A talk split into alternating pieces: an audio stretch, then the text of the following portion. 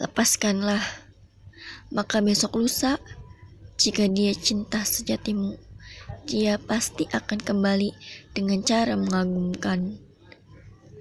Ada saja takdir hebat yang tercipta untuk kita.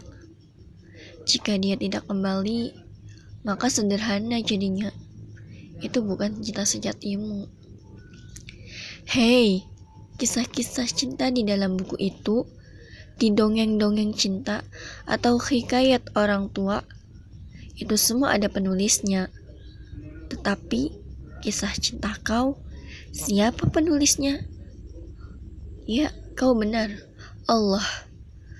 Penulisnya adalah pemilik cerita paling sempurna di muka bumi. Tidakkah sedikit saja kau mau meyakini bahwa kisah kau pastilah yang terbaik yang dituliskan olehnya?